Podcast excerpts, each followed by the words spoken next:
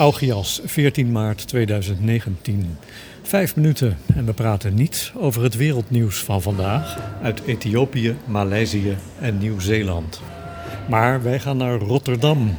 Dit is de Augias podcast, aflevering 40.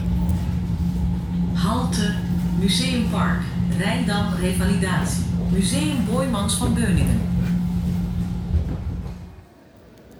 We zijn in Museum Boijmans van Beuningen voor de tentoonstelling Nederland Bauhaus. En tussen Bauhaus en Nederland staan dan twee tegengestelde pijltjes. Maar dat kan ik niet uitspreken. Het Bauhaus was een soort kunstacademie in Duitsland van 1919 tot 1933.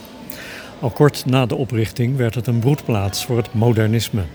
Tot op de dag van vandaag heeft het Bauhaus invloed op moderne architectuur en design. Hier in Rotterdam is dat te zien.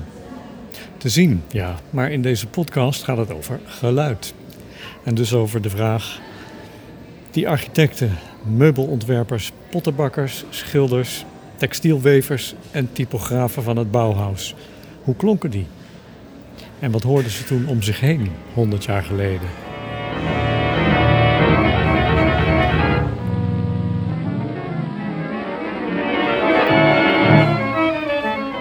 Het onderwijs in het Bauhaus was vernieuwend. Vandaag de dag is het heel gewoon op de kunstacademie, maar in de jaren 20, 1920, was dit nieuw. In het eerste half jaar van de studie, de voorkoers, moesten de studenten niks aanleren, maar alles afleren wat herinnerde aan de conventionele kunst. En ook moesten ze altijd als echte ambachtslieden met hun handen werken. Timmeren, schilderen, vouwen, stapelen. Om zodoende hun ideeën over hedendaagse vormgeving te ontwikkelen. Speelde geluid daarbij ook een rol?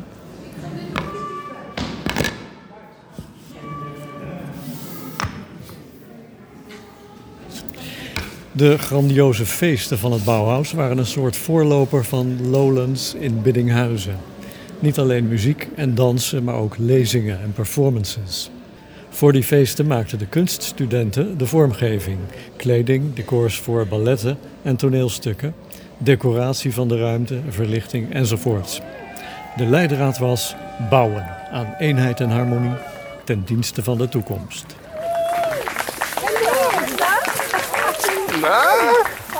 Was machst du denn? Du bist auch Kultur interessiert. Ich bin auch Kultur interessiert. Hier, warte, ich hab was zu Kultur interessiert. Bist der, der, der, ist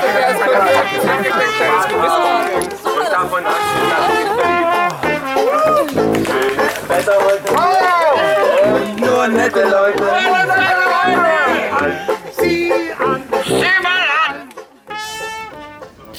Een van de docenten, Oscar Schlemmer, werkte regelmatig samen met de componist Paul Hindemith.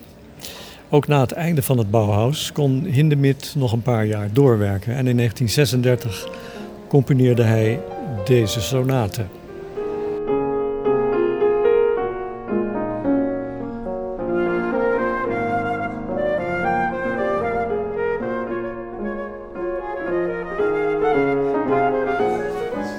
En ja, dat heb ik weer. Dat ken ik toch ergens van. Ja hoor.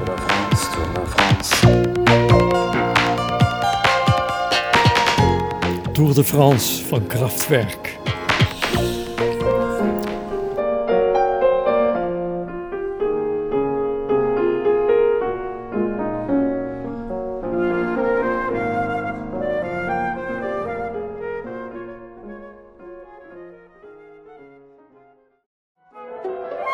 Eine Springflut überschwemmt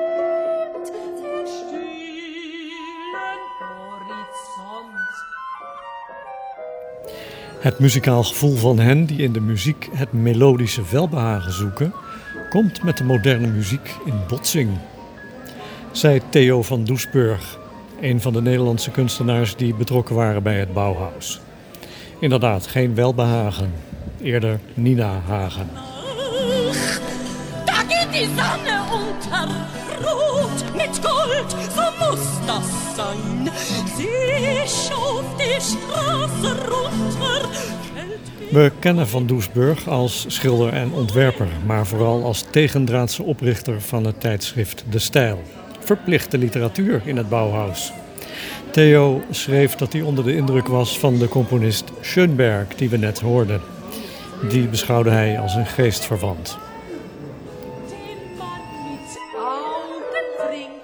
Kortom, of het Bauhaus veel muzikale invloed heeft gehad, dat is niet veel duidelijker geworden. Al zijn er connecties tussen Schönberg en Nina Hagen en tussen Hindemith en Kraftwerk.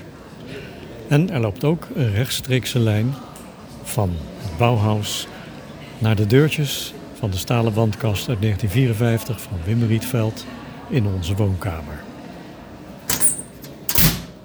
En er was deze keer geen woord Engels bij. Kunnen we vast wennen. Show notes, pardon, bedoel de aftiteling vind je op ons weblog augiasradio.com. augiasradio.com. Ik ben Rob Kivit. Tot de volgende keer. Tot de volgende keer. Tot de volgende keer. Volgende keer.